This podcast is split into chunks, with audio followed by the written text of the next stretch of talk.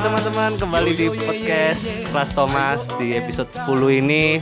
Kemarin sudah mendengarkan eh nggak tahu kalau kalian mendengarkan ya nggak tahu lagi. Pokoknya yang episode 9 itu kita eh, kalau yang kurang jelas kita lagi ngobrolin flashback eh, umat Katolik di tahun 2020 atau 2019 itu kita lagi mengalami banyak apa ya cobaan dan puji Tuhan cobaan itu kita berhasil melewati dengan ya penuh kesabaran lapang dada gitu.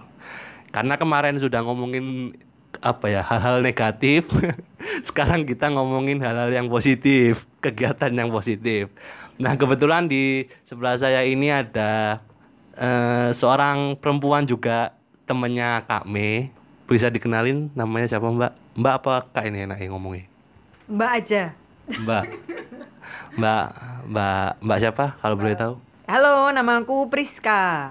saya bawa jauh-jauh Mbak gak enak Oke. nah segini nah Ya. Mbak Priska ini kegiatannya apa nih kalau boleh tahu sehari-hari Iya, kalau aku sih kegiatan sehari-harinya eh, bekerja di Pusat Pastoral Keuskupan Surabaya sebagai tenaga pastoral atau katekis karena memang punya apa background pendidikan katekis gitu.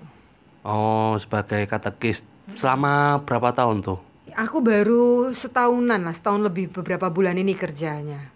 oh baru setahun kerja di keuskupan Mm-mm. sebagai katekis Iya, betul betul.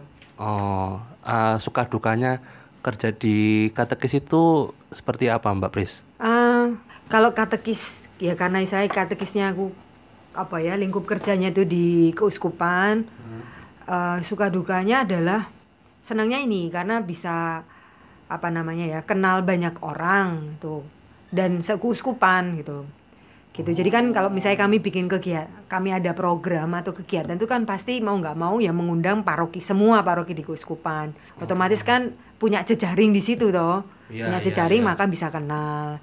Setelah Ah. dari perkenal ah, suka yang kedua dari kenal itu akhirnya bisa tahu oh kondisi-kondisi apa ya Pendampingan. iya pendampingan Ah. iman di setiap paroki itu gimana? Meskipun tidak tahu secara keseluruhan tapi oh dapat gambaran singkat-singkat gitu sih. Oh, dukanya ya kegiatan eh, apa ya jam kerjanya cukup padat gitu. Ah. terus bukan duga sih lebih te- tempat lebih tepatnya tantangan buat aku. Tantangan yang kedua adalah karena kita eh, apa ya lingkupnya di keuskupan jadi tantangan terbesarnya adalah create something. Kalau di keuskupan di level keuskupan itu dalam arti tentu kita didorong dipush gitu untuk nggak nggak nggak nunggu kerjaan tapi harus nyiptain kerjaan. Hmm. ngono sih. Sesuai dengan program yang ada lalu ya apa iki dieksekusi nih ya apa iki di konsep gitu. Jadi bukan kayak oke aku mau ikut sana enggak kita leveling konsep Oh. konsep gitu. Ya kurang lebih kayak gitulah. Tapi aku baru inget tahu ya ini pikiranku aja Mbak ya. Eh, sebagai katekis itu ini enggak apa kadang lupa nggak sama orang-orang yang di rumah atau lupa keluarga gitu.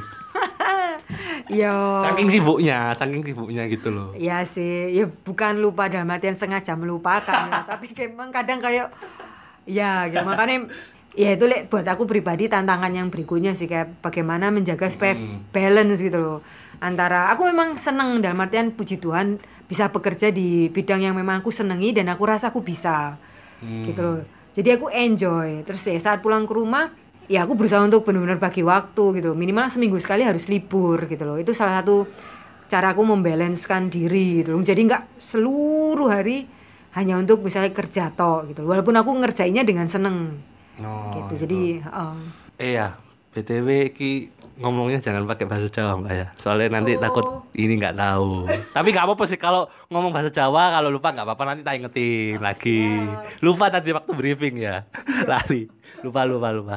Nah, selain jadi katekis ini kegiatan apa lagi nih Mbak Priska jalankan? Kalau di dalam apa ya ya itu tadi Skup- balik keuskupan lah. ya, di dalam lingkup keuskupan ya kan kebetulan Ah. memang aku dapat tugasnya itu di bagian formatio. Formatio Hmm. itu mulai dari anak-anak sampai lansia Kevin. Jadi anak remaja pemuda keluarga lansia. Itu semua diurus, semua dari Ya, strata itu. ah, bersama tim. Ya Oh. bersama tim. Jadi nggak cuma aku dewe otomatis kan mesti program untuk anak apa?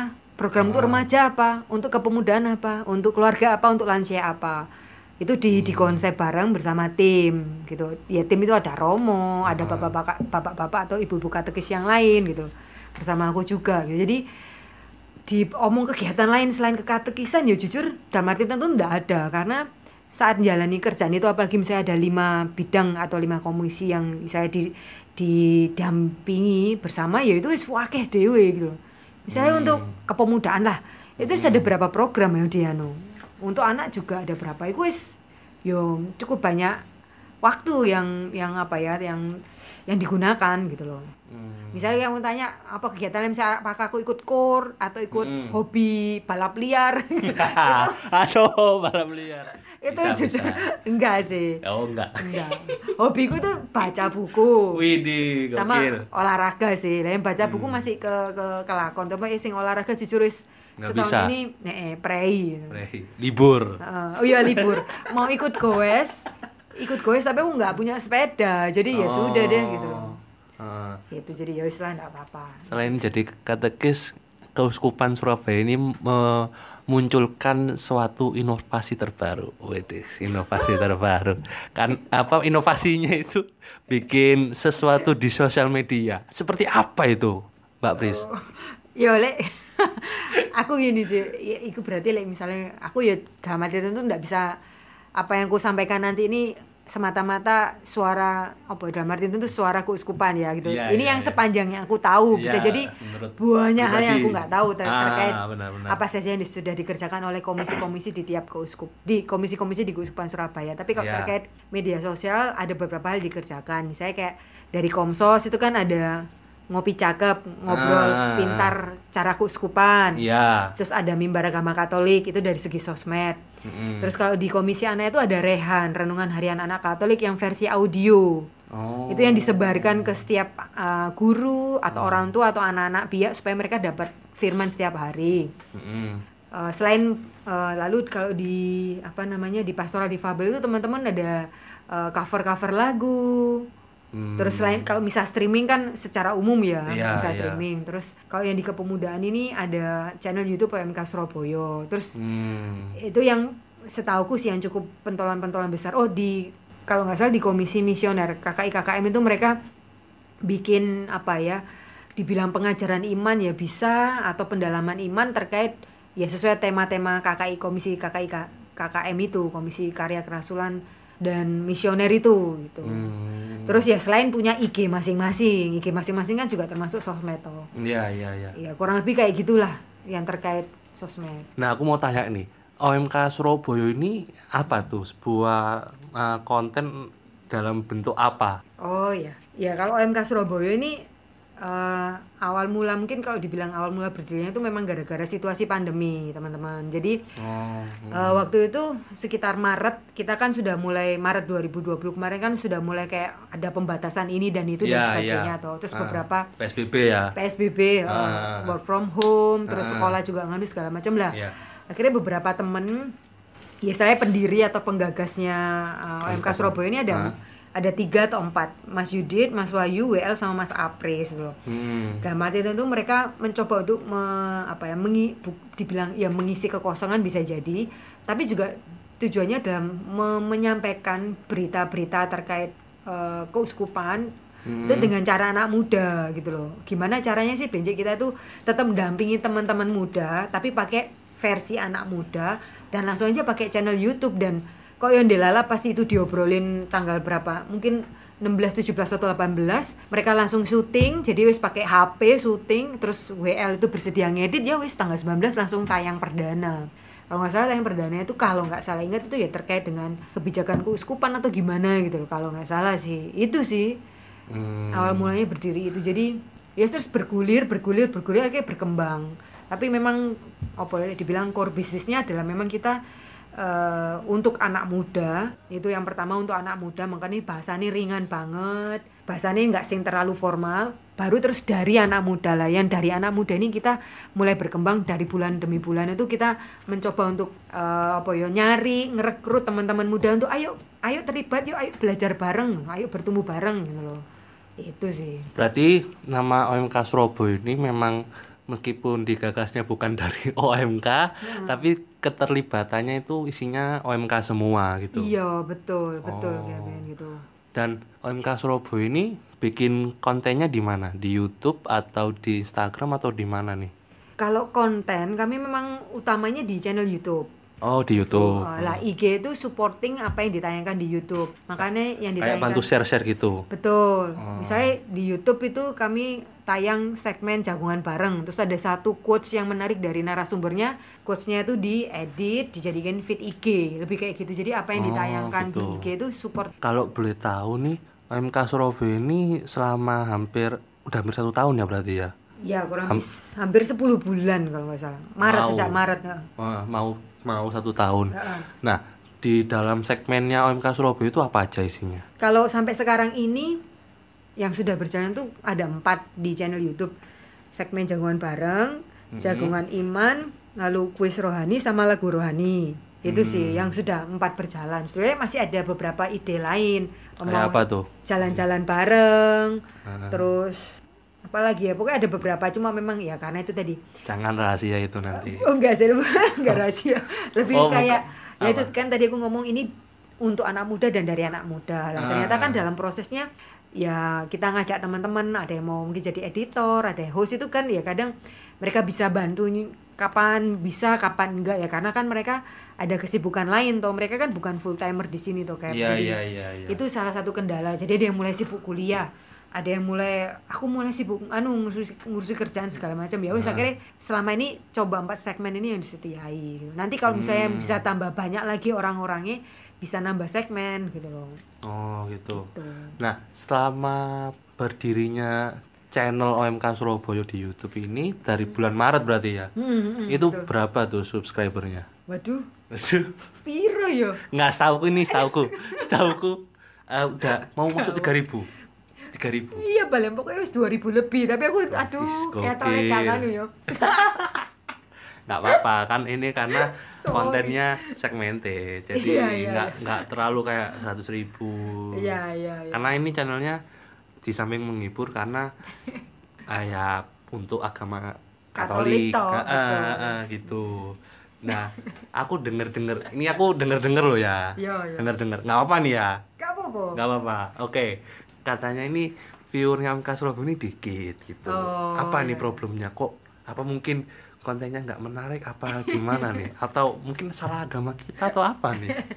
ya Apa ada beberapa videonya memang dikit tapi ada Ah. beberapa yang banyak sih tergantung Iya, narasumber yang kita undang Iya, benar Gitu. benar benar benar. ya dari situ kita juga belajar oh oke berarti ternyata memang teman-teman muda atau umat ya atau umat pada umumnya itu tertarik melihat sesuatu tuh bila satu nara siapa yang bicara Benar. Uh, Heeh. kayak jujur waktu kami kemarin tuh kayak ngajak ngobrol Monsinyur itu Iya. banyak banget atau Hmm. bahkan kayak Romo Didi jadi Hmm. memang yang ya beliau-beliau yang memang punya masa banyak gitu pasti akan nganu tapi lek sing diajak narasumbernya misalnya kayak ya sorry misalnya kayak aku ya aku ki sopo toh ya walaupun Iya, iya, kayak iya. gitu sih itu mempengaruhi ya ada beberapa video yang viewernya bisa banyak dan puji Tuhan memang ya pesannya nyampe gitu kan Mm-mm. video-video yang lain mungkin memang viewernya nggak terlalu banyak ya it's okay gitu loh tapi memang niat kami adalah dari awal itu dari anak muda dan untuk anak muda dan kami memang eh, apa ya dari awal itu kayak pengen gini nih. Kan banyak nih anak-anak muda itu yang tidak tertangkap dalam tanda kutip ya di paroki atau mungkin di komunitas apa pun. Padahal mereka punya potensi nih. Iya. mereka benar. punya apa ya kelebihan mereka punya talenta yang luar Benar. biasa. Lah kita tuh nyari anak muda anak muda kayak gitu yang nowhere apa ya gak ngerti tuh kondi loh tapi ya tetap di Kuskupan Surabaya. betul. Ah. kita sekedar iki loh arek iki so anu iki deh ini yo saya diundang.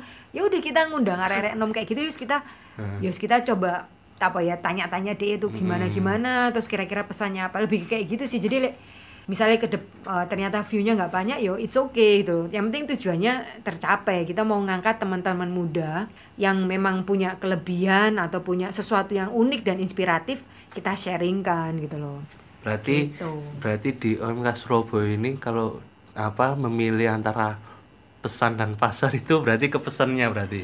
Iya iya memang eh, kami sempat sih ya diajak ngobrol-ngobrol juga sama Ah. salah satunya Romo Kurdo gitu loh Heeh. bahwa salah satu tantangan terbesar untuk ngurus yang kayak gini nih sosmed Ah. itu ya itu adalah soal konsistensi konsistensi Konsistensi, betul ah. nah konsistensi itu gimana supaya bisa tetap berlangsung ya banyak faktor tapi salah Hmm. satunya ya mesti satu identitas harus kuat dalam artian kamu punya karakteristik apa Iya. sosmedmu entah YouTube atau IG gitu loh Itu berarti persona berarti betul ya. terus yang kedua adalah pesannya apa kamu Ah. punya akun itu Ah. itu tuh harus ada pesan yang harus disampaikan lah supaya Iya. pesannya apa dan supaya pesannya itu bisa nyampe otomatis bukan cuma soal pribadimu toh tapi kamu harus Iya. bisa menyentuh orang gitu Hmm. lah ngobrol-ngobrol sama Remo Kurdo ya pilih pesan atau pasar Lek memang dalam artian tentu suruh milih ya tetap harus milih aku tetap mau meneruskan pesan apa gitu walaupun yang soal pasar juga harus dipertimbangkan tapi itu bukan berarti kayak kami nggak peduli soal pasar nggak juga ya tetap Hmm. berusaha seimbang, seimbang juga gitu loh Hmm. jangan sampai kita produksi-produksi terus tapi ternyata benar-benar belas nggak ada yang nonton itu juga harus dikoreksi Hmm. gitu sih kayak Eh, pernah nggak? Jadi Oke, apa? oke, oke. Ya, Jadi, jadi apa nih? viewer Jadi apa? itu dibilang sedikit ya kadang kita oh kok cuma sedikit tapi ya sudah nggak apa-apa gitu kita Oh. bikin lagi tapi mungkin oke mungkin plusnya di sini minusnya di sini gimana caranya memperbaiki Jadi nggak masalah ya mau viewer berapapun yang penting OMK Surabaya tetap konsisten buat konten. iya betul konsen Oh. berkonten ada pesan yang mau disampaikan lewat Hmm. tokoh-tokoh yang kita hadirkan Oh, melalui YouTube ya, platform betul YouTube. Heeh. Nah, terus eh, pernah nggak selama hampir 10 bulan ya? Hmm. Nah, 10 bulan itu pernah nggak OMK Surabaya dapat pandangan atau sindiran negatif gitu dari Hmm. orang sesama Katolik gitu? Tahu atau yang nyeletuk-nyeletuk kayak ngomong, "Ah, OMK Surabaya masa nggak bisa viral gitu." Oh. Terus ada yang bilang, "Oh, masa OMK Surabaya isinya kok gitu-gitu aja Iya, gitu." iya, iya. Pernah nggak dapet hal-hal seperti itu tuh pernah nggak sentilan-sentilun gitu tuh? Ya pernah pernah sih, tapi memang lebih kayak yang aku tahu ya gitu. Memang di sini ada beberapa teman yang khusus ngeliatin komen-komen di IG maupun di YouTube. Tapi sepanjang se- sejauh yang aku tahu sih masukan-masukan yang lebih kayak misalnya kayak kami kan pada saat wawancara itu kan memang sering kali hostnya tidak pakai masker. Tapi di luar itu ya kami pakai masker. Itu kadang juga jadi masukan juga gitu loh bahwa sebisa mungkin saat ngobrol-ngobrol juga pakai masker. Hal yang kayak gitu sih Kevin Hmm, iya, itu iya, iya. terus sempat juga kapan hari kan kami ada kegiatan gitu Mm-mm. seolah seperti tidak social distancing ya, kayak gitu gitu terus Iya, iya, iya. ya dari segi isi sih eh, kan kami ada ini konten jagungan iman itu beberapa lebih ke kayak kan jagungan iman itu kan berarti ngomongin beberapa pertanyaan-pertanyaan seputar iman Mm-mm. kadang bukan kayak dalam arti tertentu serangan sih tapi lebih Mm-mm. kayak pertanyaan kalau misalnya bahas kayak gini gimana? Ya wis kita tampung terus kita cari narasumbernya itu yang aku tahu kayak gitu. Hmm. jadi belum sing sampai kayak apa ekstrim banget sih Tuhan sampai sekarang belum. Mm-mm. gitu. Terus just, tapi justru yang jadi PR adalah gini ada Romo juga yang nanya ini ini setelah anak-anak ini mbok kumpul nih Dikumpulkan. ya dikumpulkan. Itu apa mau cuma kamu undang-undang tok ta gitu loh. Ah. harusnya kamu juga harus ngelakuin sesuatu buat mereka. Itu juga jadi PR gitu loh ada Hmm. Romo yang challenge kayak gitu jadi ojo sampai mek sekedar mau kumpul-kumpul nih mau kumpul-kumpulkan Iya. eh, terus baru ngono nggak nggak kamu apa-apain Dan biarin aja gitu. Iya, itu Ah. itu enggak boleh gitu. Oh, oke Romo lah. Akhirnya puji Tuhan kami sempat terlibat dalam OMK Academy dengan beberapa teman. Lah dari situ bisa lebih matang nih. Lah, akhirnya kami juga beberapa dari kami itu ikut kayak pelatihan OMK Academy di Kuskupan, ikut jadi panitianya. Itu kan salah satu bentuk apa ya aftercare-nya terkait dengan sosmed. Mm-mm. Tapi lihat terkait dengan, terkait dengan para narasumnya sendiri sih memang kami belum apa ya belum kayak ngumpulin mereka lagi dibikinin event bareng atau pelatihan bareng memang belum lebih ke kayak kita kitanya sendiri tim yang ada itu biar caranya benci diopeni gitu loh Biar dirawat. yo Oh. Yo dari segi relasi kebersamaan lebih kayak gitu-gitu sih Hmm. Lek setauku sih anak-anak muda itu kan atau teman-teman muda itu kan kita lek nyaman di satu komunitas itu kan biasanya kalau ya satu kita jelas ngerjain apa, yang kedua adalah relasinya enak gitu loh kayak Hmm. Nggak terlalu formal banget loh Kevin. Setauku yang nggak terlalu formal banget itu justru yang kadang bisa awet gitu loh. Iya, iya, iya. Itu walaupun kadang oke di beberapa waktu itu sempat kayak ya wis gak usah ngerjain apa-apa, tapi beberapa waktu kemudian bangkit lagi ngerjain. Tapi lek sangat strict banget harus gini gini gini itu malah kadang jadi beban gitu. Hmm. Jadi salah satu apa ya jiwanya OMK Surabaya adalah sukacita Hmm. adalah soal sukacita itu tuh yang kemarin diobrolin sama Romo Didi juga ya udah enggak apa-apa kalau kalian memang apa ya mengkonsep diri kalian tuh sebagai channel YouTube yang memang nyampein sesuatunya tuh dengan penuh sukacita dengan ringan ya nggak apa-apa nggak usah terlalu minder atau merasa kayak takut gitu loh dibandingkan dengan channel-channel yang lain yang mungkin lebih serius lebih berat nggak apa-apa gitu ya memang kalian seperti itu gitu loh dan Jadi selama- diri sendiri. betul. Iya, kayak gitu-gitu sih Ah, terus aku pernah nih dapat apa obrolan dari teman-temanku di Surabaya. Itu ada yang bilang kayak gini, Mbak Pris. Ini bener atau enggak loh ya, aku nggak tahu. Kan lihat nih OMK Surabaya nih. Yang apa yang eh, kan ada tuh OMK Surabaya eh sorry di YouTube itu kan ada kayak kategori terpopuler terus urutan terbaru urutan terlama tuh ada tuh nah temanku nyari yang terpopuler. Nah yang terpopuler itu dari algoritmanya YouTube itu dilihat dari viewer. Sedangkan viewernya MK Surabaya yang paling banyak sama Monsinyur. Monsinyur Keuskupan Surabaya tuh dilihat habis itu pertama kali tuh pertama kali lihat videonya MK Surabaya kayak apa kayak kayak apa ya tak takjub gitu loh. Takjub ah, kenapa aku nggak tahu? Dia bilang ke aku kayak gini waktu nongkrong kan wih gendeng gila gokil gitu. Bi- apa subscribernya ya itu 2000 1000 1800 atau mau ke 2000 gitu loh. Terus temanku nyeletuk apa komen gitu. Nyeletuk wah iki apa AdSense banyak nih gitu. Pasti uangnya dari YouTube nih Om Surabaya Oh. itu itu bener nggak Mbak Pris? Enggak salah konrek ngawur ngawur iya sih eh, apa Lah, terus emang nggak dapat duit? dimonetize itu ya iya benar benar Iya. Em, tapi kan ada iklan kan Iya sih, tapi jujur kami yang sepanjang yang aku tahu ya, Iya, kita iya. memang eh, sampai sekarang ini memang semuanya tuh nol rupiah gitu. Jadi kita ndak dibayar teman-teman lebih tepatnya. Aku kan memang kerja di keuskupan ya, pasti dibayar ya karena aku full timer di sini. Tapi lek teman-teman yang terlibat itu sama sekali ndak dibayar. Oh iya Betul. benar jadi benar berkarya teman-teman ini Iya gitu loh.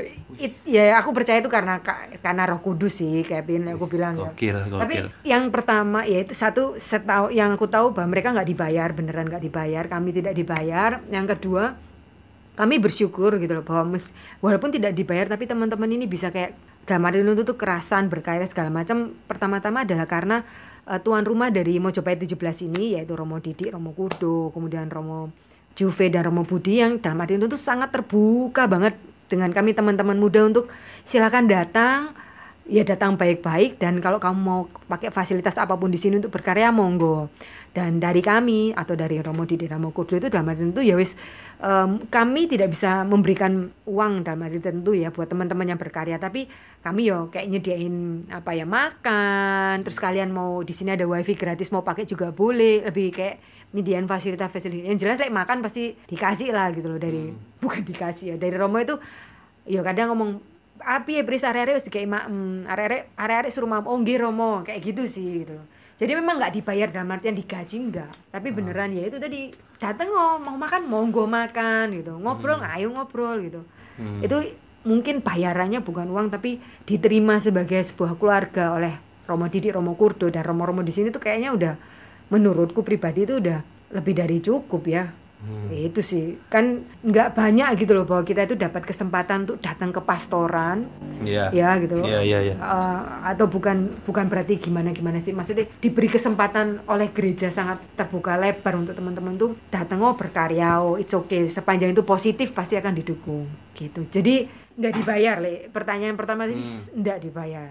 Nggak dibayar dan nggak dapat uang dari YouTube. Iya iya dulu itu pernah ada ada sih salah satu teman kami si Billy itu kan memang bisa ngeliat kayak gitu-gitu toh. Algoritma bukan gitu iya. Momok-momok gitu ya tapi terus dia dia ngomong ini dimonetize ini bisa apa segala macam. Ya sampai sekarang sih memang nggak dieksekusi gitu kan. Memang oleh salah satunya kalau nggak salah Romulis atau siapa itu memang eh, jangan di situ nyarek gitu loh. Jadi tetaplah murni dalam arti tertentu murni berkaryalah buat gereja dengan murni. Ojo sampai kamu ya itu nurutin pasar tok gitu loh ya kurang lebih kayak itu sih yang yang bisa aku Hmm. tangkap ya Cap. Nah, terus di OMK Surabaya ini berarti ada ini kayak apa tempat kerjanya atau kantornya gitu. Hmm, kalau kantor khusus enggak. Ya biasanya kalau kami syuting atau apa sih itu di ruang tamunya M17. Ini teman-teman Jalan Mojopahit ya. Oh, iya, iya, Nomor 17.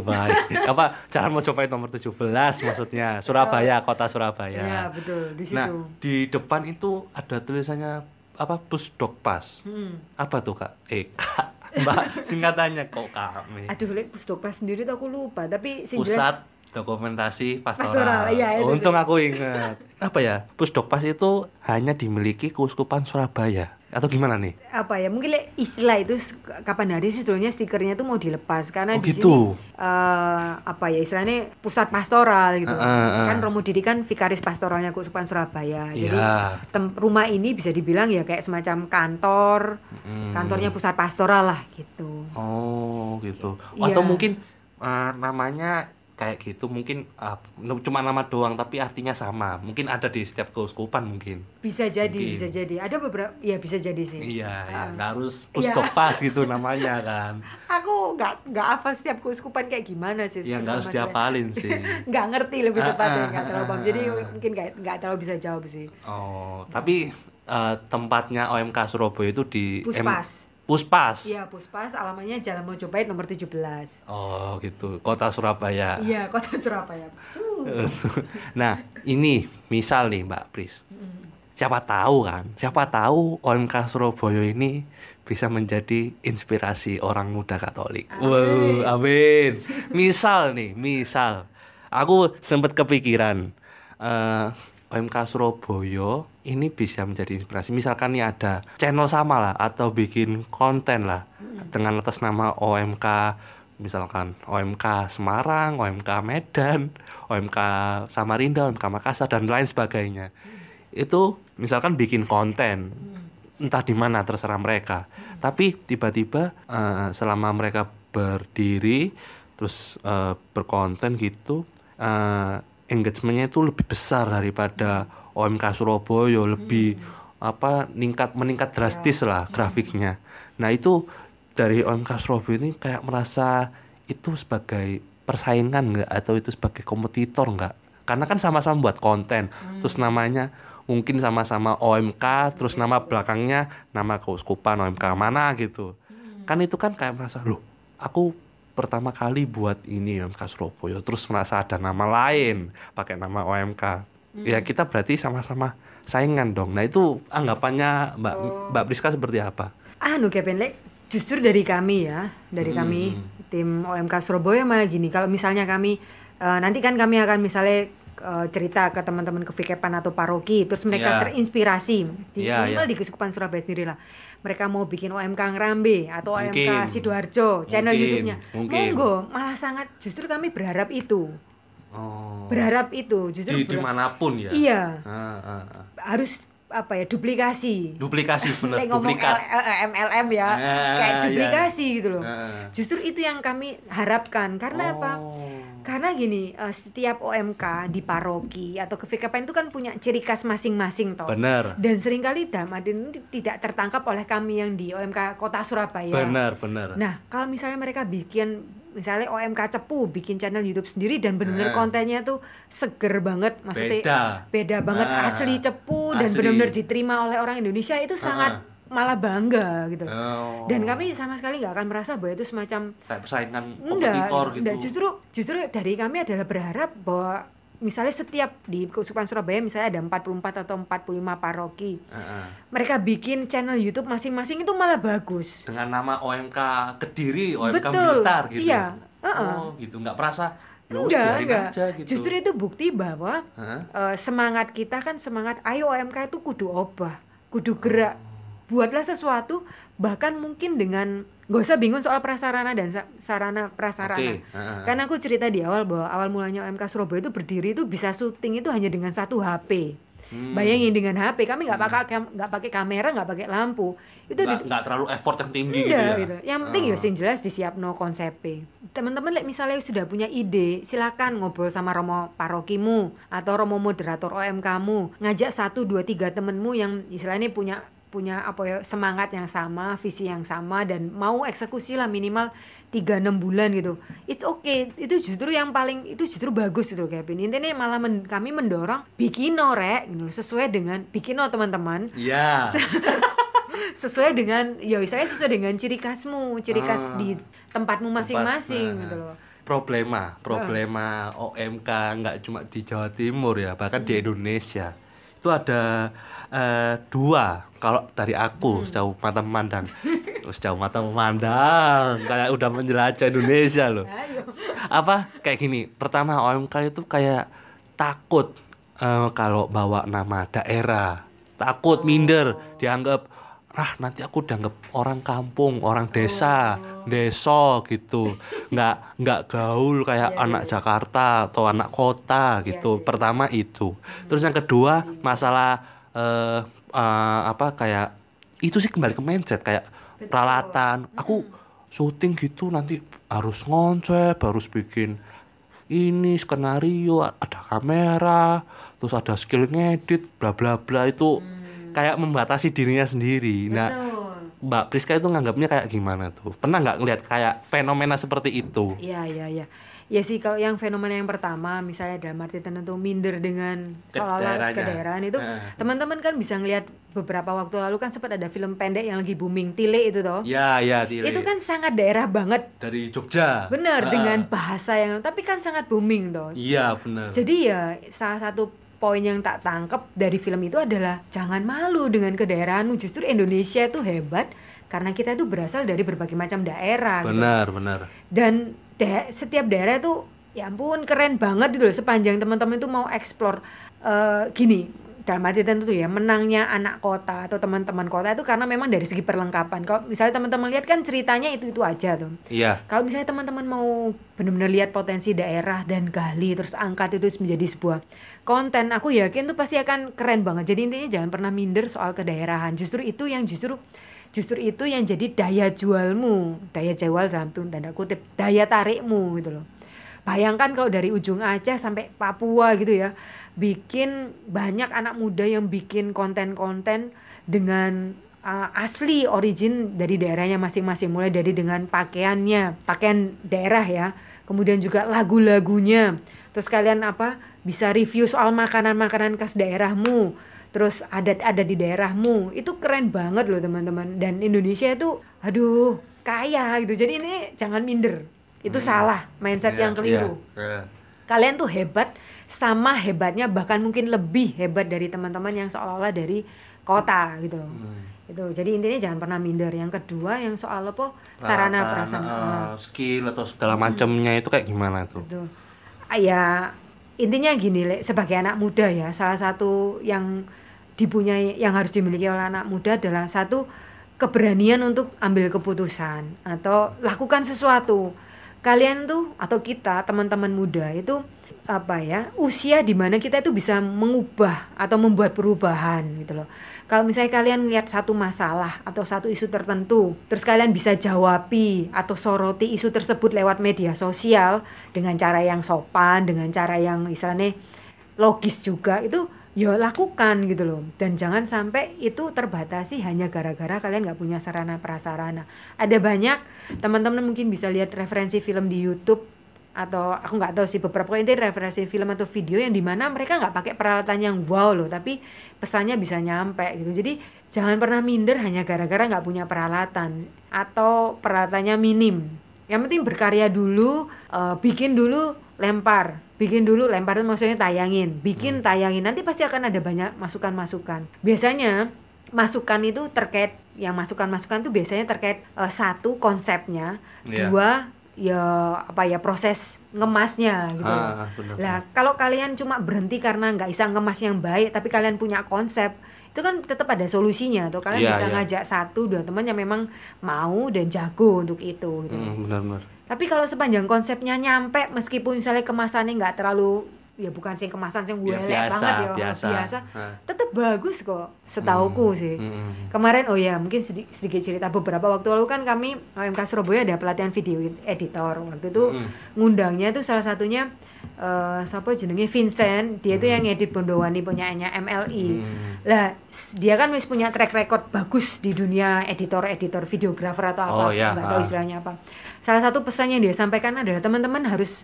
untuk teman-teman yang memang nantinya mau benar-benar jadi profesional di dunia editing editor atau videografer itu eh, skill yang harus utama dipunyai teman-teman adalah originalitas idemu Hmm, gitu. iya ya. soal peralatan atau segala macam itu bisa nanti menyusul Nomor sekian lah. iya gitu loh Oh.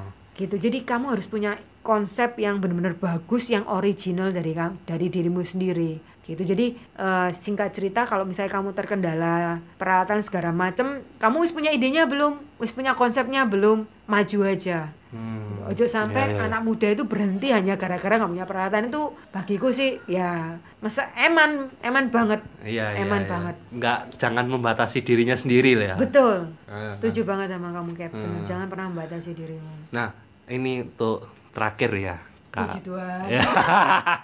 Mbak Pris, terakhir buat OMK Surabaya di tahun 2021 ini ke depannya mau dibawa ke arah ke mana nih? Iya, ya sini Kepi kan eh, kami kan sudah apa ya di bawah naungan Komkap ya. Keuskupan Ya, Surabaya. oh ya Komkap Keuskupan Surabaya. Ah. Nah, em, ini otomatis kan kami ikut menerjemahkan atau mewujudkan program arah dasar Keuskupan Surabaya, eh, terutama bagi anak muda lewat dunia sosial media. Iya. Jadi untuk tahun 2021 ya selain konten-konten yang kami bikin itu yang seperti biasa tadi, kami juga akan eh, mulai mengemas apa ya pesan-pesan hasil mupas musyawarah pastoral Kusupan Surabaya itu lewat channel YouTube. Eh, misalnya ka- tahun 2021 itu kan tema ardasnya Kusupan Surabaya itu mengenal Yesus sebagai guru dan Tuhan. Mm, iya, iya. Itu tema satu tahun untuk semua umat di Kusupan Surabaya. Hmm. Nah, pemuda kan termasuk umat toh. Iya. Nah, kami mencoba untuk menerjemahkan eh, tema besar itu menjadi beberapa tema kecil. Nah, kami coba akan angkat itu lewat konten YouTube. Hmm. Itu sih rencana harapan gambaran untuk untuk program 2021 setidaknya di OMK Surabaya. Boleh nggak itu ditiru sama OMK-OMK yang lain? Boleh, justru itu yang jadi nanti eh, kan di Komkap itu ada yang namanya divisi sosmed atau medsos lah, sosial Iya, media atau ah. media sosial lah. Iya. kami di Comcap itu tidak hanya ngurusi soal memproduksi sesuatu Kevin justru yang Hmm. jadi bis bukan bisnis lah ya apa ya perhatian utama Hmm. kami adalah melatih atau mendampingi teman-teman pendamping maupun anak-anak muda supaya bisa membuat membuat channel YouTube itu Hmm, jadi iya, iya, ngerti iya. maksudnya bukan Hmm. cuma memproduksi barang tapi kami juga harus menye- melatih SDM Oh, iya, iya, iya. Ya, maka saat maka itu menjawab pertanyaanmu, boleh nggak kalau kevikepan atau paroki bikin? Justru harus. Harus ya. Dan kami di Komkep harus melatih atau mendampingi teman-teman paroki atau kevikepan itu untuk membuat itu. Oh, Misal, gitu. konkretnya gini, misalnya ada kevikepan paroki di kevikepan Kediri. Oke. Kak, aku mau bikin ini Kak eh, konten channel YouTube, terus dia tuh temanya soal ini ini ini. Bisa ajarin nggak Kak? Mm-mm. Komkep harus mau ngajarin dampingi. Hmm. Oh kayak gini loh, kayak gini gini gini. Oke ya udah ngerti. Eh, mereka silakan produksi Oh, gitu. singkat ceritanya kayak Singkat. gitu Oh. tapi bisa lebih kompleks lagi sih prosesnya Oh, gitu. Dan satu lagi, satu lagi. Puji Tuhan.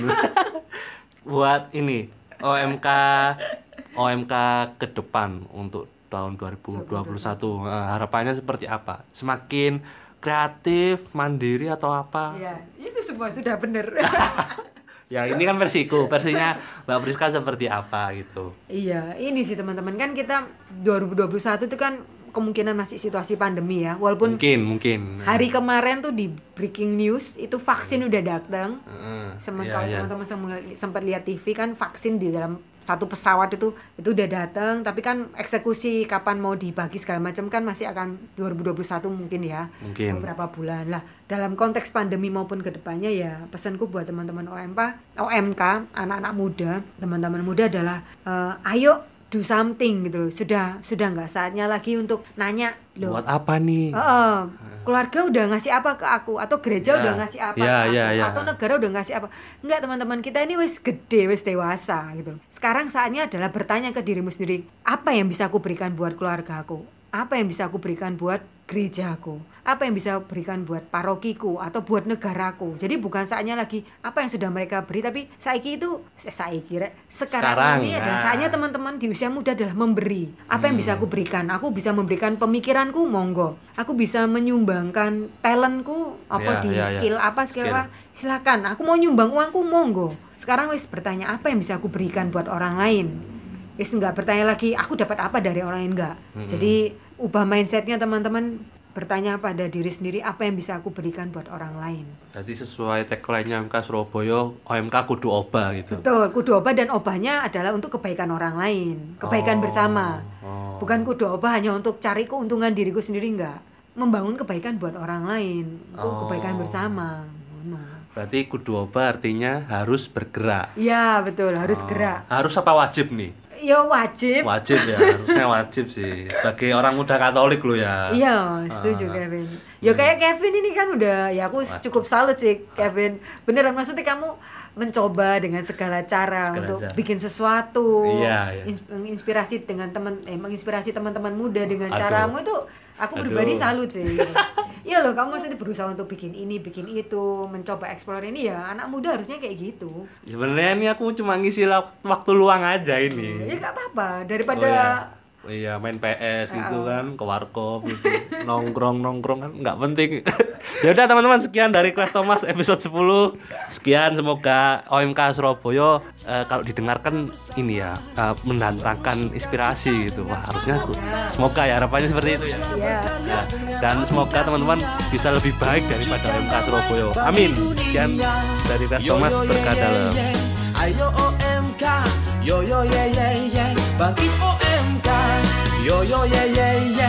Ayo OMK, yo yo ye ye ye, bangkit OMK, yo yo ye ye ye. Ayo OMK, yo yo ye ye ye, bangkit OMK, yo yo ye ye ye. Ayo OMK, yo yo ye ye ye, bangkit OMK.